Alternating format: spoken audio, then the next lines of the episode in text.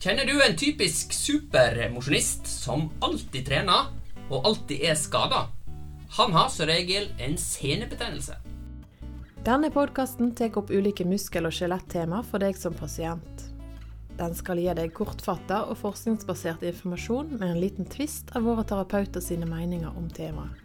Edgar Gunvordal og Sindre Romerheim er begge spesialister på både muskel- og skjelettfysioterapi og diagnostisk ultralyd, og jobber til daglig på Syriax klinikk i Bergen. Hei, jeg heter Edgar. Og jeg er Sindre. Og i dag skal vi snakke om et eh, interessant tema som eh, gjelder veldig mange. Og det er nemlig senebetennelse, og kalt tendinopati på fagspråket. Eller kanskje en overbelastning. Ja. Ja, og i den forbindelse så eh, har vi fått storfint besøk her i eh, vårt ringestudio av eh, spesialist i allmennmedisin og idrettsmedisin og medisinsk ansvarlig her på Synsklinikken, Yngve Kiserud. Velkommen. Ja, jo, tusen hjertelig takk. Du Yngve, du er jo idrettslege, og, men òg en veldig godt trent herremann. Så lenge jeg har kjent deg, så har ikke du drevet med noe annet enn å bruke all din eh, fritid og eh, overskudd på eh, å ta deg ei unødvendig ekstra økt. Og det har jo medført at du egentlig alltid er skada. Stemmer ikke det? Jo, altså det er nok dessverre korrekt, det. Da har du glimrende kunnskaper om eh, det vi skal snakke om i dag, nemlig overbelastning. Ja, dessverre så har jeg jo eh, førstehåndskunnskap, eh, iallfall om dagens tema. Ja. Og eh, litt flere andre enn jeg liker. Vi kaller jo eh, skade i seneden for tendinopati. Tend det betyr sena, og parti det betyr sjukdom. Eh, men på folkemunne så eh, kaller en det egentlig for senebetennelse. Men er det en betennelse, Yngve? Ja, så vi pleier å, å skille mellom akutt og hva skal jeg si, langvarig eller kronisk senebetennelse. Sånn at akutt er jo ofte det du får ved en eh, akutt overbelastning. Og, og da vil det være en sånn betennelse i klassisk forstand med eh, en irritasjon som kan gå over med litt hvile, f.eks. Men det er ikke en avrivning du snakker om da? Nei, Nei. da er det en, eh, en overbelastet scene som blir vond og betent. Mm. Og så har du, hvis den tilhellingen ikke går sånn som den skal, så eh, går det over i en mer langvarig eller kronisk fase. Kronisk betyr jo ikke at det varer evig, men at det er i en, en fase hvor eh, scenestrukturen og, og, sånn, og oppførselen gjerne til pasienten blir litt endra. Ja, for det kroniske er jo en litt sånn negativt lada ord som mange tror varer livet ut. Ja, så når jeg var tenåring og fikk eh, kronisk betennelse, så tenkte jeg at det var spikeren i kista. Det var i kista, ja. eh, Det er viktig å presisere det at eh, det meste går over hvis en bare har en tilnærming som er bra. Ja. Og det med, For å svare på det med tendinopati, da, så er jo det brukt om den kroniske varianten. Sant? Hvor, ja, eh, hvor det ikke går over av seg sjøl. Du kan ikke hvile deg frisk av det.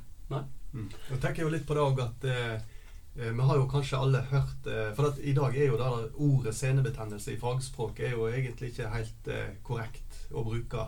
Og det gir jo kanskje en, en, eh, et inntrykk av at vi snakker om at her er det noe som er, er, er Altså det er en infeksjon. Du kan ta en antibiotikakur eller Men så tenker jeg òg at eh, opp gjennom historien så har det vært brukt veldig mange forskjellige ord. Sant? Ten, tendinitt og tendinopati er det som en vanlig bruker bruke nå. og Tendinose og Mm. Ja. tenosynovitt og tenovaginitt og Ja. Paratendinose. Ja, sant. Om, om ikke kjært barn, så har det iallfall mange navn. Ja. Og det er jo eh, sånn at eh, å være pasient er jo ikke lett når du skal gå og, og vandre denne jungelen her av, eh, av ulike, ulike uttrykk. Ja. Og det viser vel kanskje òg egentlig bare litt at eh, en fortsatt ikke veit helt hva som er hovedproblemet, eller hva som egentlig skjer i ei scene Ja. som, Nei. som Sjøl er i 2020. Sjøl i 2020. Men selv om vi lever i 2020, så er det jo sånn at eh, noen eh, svar må vi nå ha, tenker jeg. Eh, og jeg tenker at vi skal snakke litt spesifikt om akilles. Fordi at akilles det er noe vi ser utrolig mye av. Og spesielt gjelder dette her supermosjonisten. Han har slitt ofte med akilles. Og hva er det med akilles som um, Hva slags type kraft er det som går gjennom akilles som skiller han litt ut fra andre scener i kroppen? Ja. Det er jo en, eh, en vektbærende scene. Sant? Mm. Altså Hele kroppen skal jo ned på halvbeinet, og så skal du sparke fra hele kroppen. Og i ganske stor fart. Sånn, Så du må bremse fallet når du løper, og så må du generere ny fart videre. Mm. Så du får jo en eh, ekstrem belastning sant? på en Mm. veldig eh, egentlig liten scene, sånn sett. Mm. Så den er nok eh, utsatt, ja. Ja.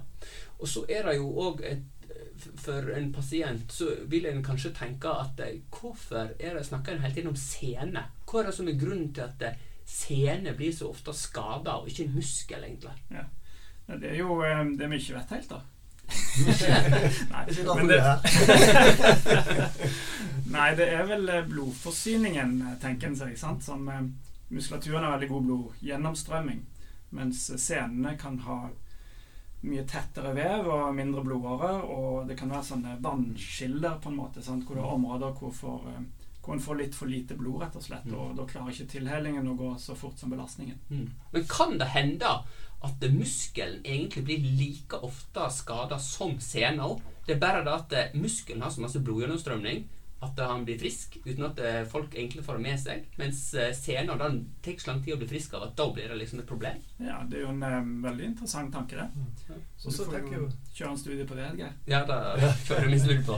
tenker jo litt på det òg med at uh, det som er bra med ei sene, i motsetning til en muskel òg Og det du sier der med blodstrøm, Edgar, er jo at eh, at ei sene har lite blodstrøm, men det vil òg si at den blir ikke, du får ikke melkesyre i ei sene. Ei sene klarer å holde lenge statisk hvis du står i 90-graderen inntil veggen, mens muskelen, da er det muskelen som må gi seg. sant? Mm.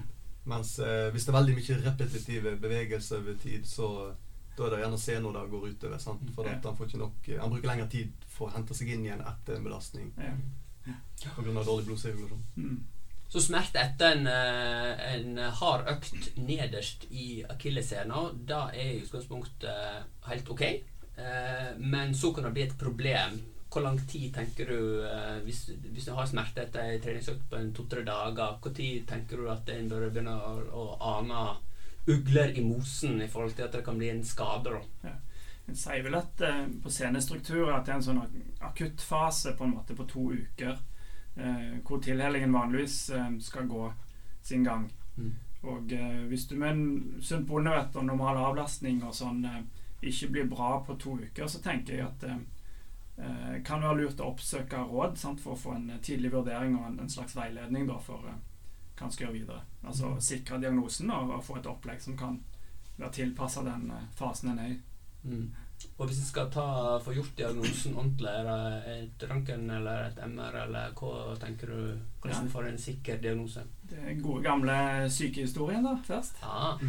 Og så eh, er det klinisk undersøkelse. Mm. Da Hva du- typisk er det da en ser? De, altså Folk som har en akillessenebetennelse, hvordan oppfører de seg når du er inne på kontoret og du Ja. undersøker dem? Det Det er jo eh, Birken-løperen eller superjoggeren som gjerne skal trene seg opp til Bergen City Marathon f.eks. og mm. plutselig har løpt eh, mye på asfalt, eller eh, vært i påsken og gått klassisk med en del ekstra glipptak. Mm. sånn, Så kan det utløse en uh, akutt betennelse. Så det er ofte sykehistorien, og så vil jo smerten være på veldig sånn distinkt plass på scenen. Um, så får jeg ofte bekrefta med det og et par tilleggstester. Mm. Mm. Så du kan egentlig bare trykke litt på scenen sjøl, og hvis du er sterke smerter en viss plass på scenen, så kan du mistenke ganske sikkert at det er noe eh, akillesseneproblematikk. Ja. Hvis det bare er på ene sida og ikke begge. på begge. ja, det vil jeg si. Altså Hvis du er veldig øm et par-tre centimeter eh, Mm. eh, over hælbeinet, så er det veldig suspekt, ja. Mm. Ja, er ikke det Jeg tenker jo litt òg Hvordan er det med dere når det får folk? Jeg, jeg opplever jo kanskje at de fleste som kommer med smerte i området der, de tror jo at de har en, en senebetennelse i akillesen. Mm. Det er jo en diagnose som kanskje mange klarer å stille sjøl òg, Ja. med litt googling og Mm. Mm. Men så syns jeg at det er mange som lever med det. Som klarer å leve med det. Som har Ja. egentlig hatt det over lang tid. mm. Eh, spesielt de som trener mye. De Ja. er vant til å ha en del vondt. Det er på en måte Ja. prisen å betale for å være godt trent. og har en del vondt rundt omkring i kroppen. Og så er det vel mange òg som eh, kanskje kommer i gang med litt eh, et treningsprogram, men de fullfører ikke sånn at de blir symptomfrie. De, når det blir litt bedre, så gidder de ikke mer, eller de glemmer det. Mm. Og så blir de ikke helt kvitt det. Hva tenker du om behandling, eh, Yngve? Hva er din erfaring eh, mest effektivt? Ja, eh, litt avhengig av hva fasen en er i. Men hvis en snakker om disse kroniske betennelsene, så går det vel ikke an å komme utenom trening. Mm. Mm. Som dere òg eh, Og da snakker vi om en annen trening enn den du vanligvis driver med. Altså det, Du går reiser ikke på joggetur for å bli kvitt uh, akillesseneproblemet. Nei, hvis du har fått deg jogging, så kan du ikke behandle det med jogging. Nei. Mm. Så eh, det hele poenget er at en må trene på en Altså gi belastningen eh, Gi scenen en riktig belastning eh, og tilstrekkelig hvile. Sånn at den gradvis eh, kommer At det går riktig vei. Mm. Så da må vi rett og slett øve på styrketrening. Ja. Styrketrening gir jo mye mindre støtbelastning. Mm. Sant? Og du får ikke samme kraftutviklingen faktisk som når du løper, Mm. hvor ting går veldig fort. Sant? Det er mye mer kontrollert bevegelse, og scenen har vist seg å, å tåle det veldig fint. Da. Mm. Folk er jo løgne, har jo jeg funnet ut etter mange år som fysioterapeut. Eh, Og eh, det som jeg har funnet ut, det er at enten så er du interessert i kondisjonstrening, eller så er du interessert i styrketrening. Så da å si til en som driver med kondisjonstrening at du skal drive med styrketrening, det er ikke spesielt populært. Og du kan godt si det, men blir det gjennomført? Det er et annet spørsmål. Ja. ja, altså eh, Vi er jo styrke litt på vei eh, inn, og har egentlig vært eh, populært i en del um, utholdenhetsidretter òg. Det viser kanskje at Edgar ikke driver så mye utholdenhet. Det kan jo Vi være. vet vi vet at dette er litt nytt for deg. Edgar. Men hvis du forklarer eh, poenget med treningen, sant, og folk forstår hvorfor, så tenker jeg at um, en kan ha en bra motivasjon for å fullføre nesten hva som helst. Ja, du må på en måte være trent for å trene. Det er korrekt. Mm. For det er nemlig det som er en overbelastning. Ja. Du har rett og slett ikke muskelstyrke nok til å utføre den aktiviteten som du utfører. Ja, det er en måte å se det på. Ja. Ja, for det virker jo kanskje som om kroppen tilpasser seg og ligger akkurat på det nivået som du er på. Sånn at hvis du ved en eller annen anledning har litt for mye aktivitet, så da kan det blusse opp. Mm. Og da tenker jeg at vi skal eh, kjøre inn Yngves eh, spesialtips når det gjelder trening. Fordi at eh, hei, Nå har jeg kjent deg i ti år, og jeg tror ikke du har pusset hendene en eneste gang i løpet av de ti årene uten at du gjør tåhev. Stemmer ikke det? Jo, altså, du har fått med deg det, ja. Ja. Ja, eh, jeg er jo travel eh, mann med jobb og familie og skal jo liksom presse inn eh, 10-15 timer trening per uke òg. Ja. Så da eh, må en slå to fluer i en smekk. Ja. Og jeg har jo hatt eh, akillesbetennelse på begge sider. Eh, men jeg hadde ikke tid til å gå på treningsstudio og drive tung styrketrening. Så da, hver gang jeg pussa tennene, så tok jeg tåhev eh, på én fot. ja. Hvor mange repetisjoner tok du? Du spør hvor flink jeg er til å pusse tennene? Ja. Nei, det ble fort en eh, kanskje en 50-60 da Ja. på en sånn seanse. Ja. Altså, hele poenget er at du må bli sliten. Mm. Så hvis du blir det, så spiller det ikke så stor rolle om du tar 10 eller 50, men eh, det må være tungt nok til at du, en får en effekt. Ja, og da er egentlig oppsummeringen av den forskningen som ligger til grunn òg, at hvis du skal trene styrketrening, da må du trene tungt nok. Mm. Mm. Ellers så blir du ikke bedre. Stemmer ikke det? Jo, Det er ikke så nøye hva du trener, men du må trene tungt nok. Nei, vi er nok litt sånn eh, late anlagt. Sant? At Mm. kroppen orker ikke å bruke masse ressurser på å bygge opp en scene hvis det ikke er bruk for det. Mm. Så må du liksom gi scenen beskjed om at uh, her må det skje noe. Mm. Så, ja. mm. Men merk dere da, uh, Yngves uh, hemmelige private treningstips det er 50-60 repetisjoner på én fot mens du pusser tennene. Er fornuftig. Og da får jo alle gjort, for alle må vel pusse tennene sine i løpet av dagen. Ja, iallfall én gang. Ja, og da må ikke en stå, må ikke stå og henge og sløse med tiden. Da brukes det noe fornuftig. Det er helt riktig. En ting som jeg bare tenker òg eh, Som er jo kunne vært litt interessant å bare diskutere i lag med dere, og det er jo dette her med at det vanligste vi ser, er jo eh, Ja, ja, det er vel egentlig to plasser som er ganske vanlige å, å ha problemer i akilleshælen. Og det ene er egentlig midt på, på scenen, altså eh, kanskje 3-4 cm opp ifra helbeinet. Men så er det òg helt nede på, på innfestningen på, Mm. på, eh, på hælen. Og da er jo eh, Jeg vet ikke Har, har du noe erfaring da? Har du hatt det i innfestningen, eller har du hatt det mer i scenen? Jeg har hatt det litt opp i scenen det her Mm. typiske stedet der eh, det er sånt vannskille i forhold til blodforsyningen. Ja. Ja. Mm.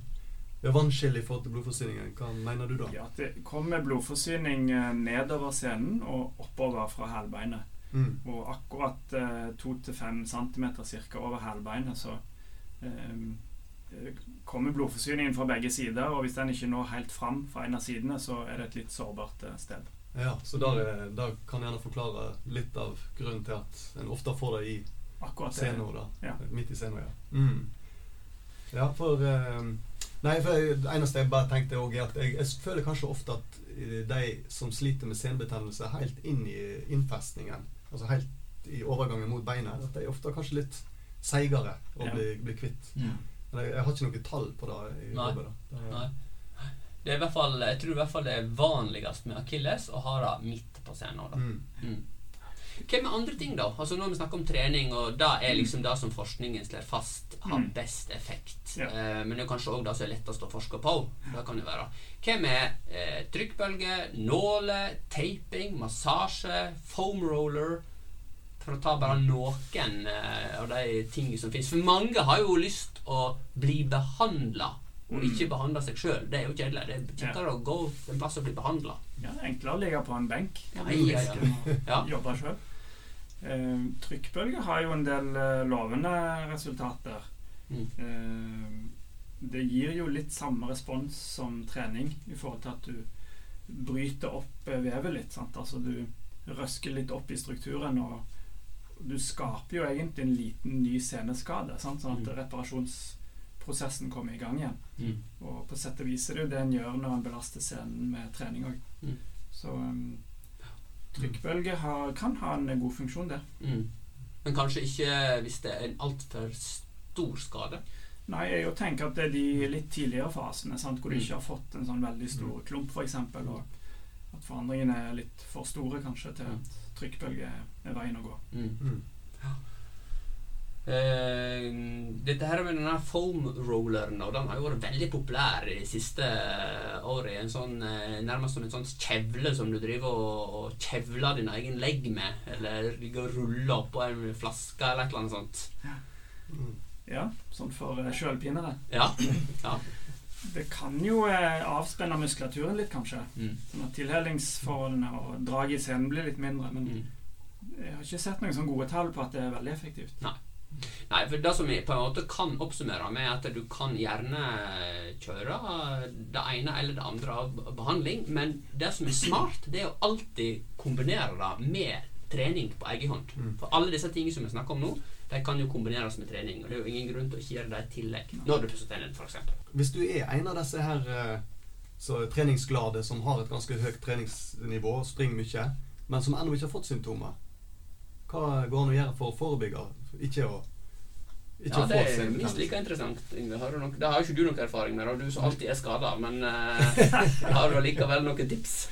Ja, det er jo egentlig fysioterapeutenes uh, bord, kanskje mer enn doktorens. Når eh, de kommer til legen, så er det jo ofte eh, gått for langt på et vis. Så vi, vi ser liksom ikke tilfellene før, eh, før de er der. Mm. Eh, så vi kommer ikke inn eh, på tidlig nok tidspunkt alltid, da.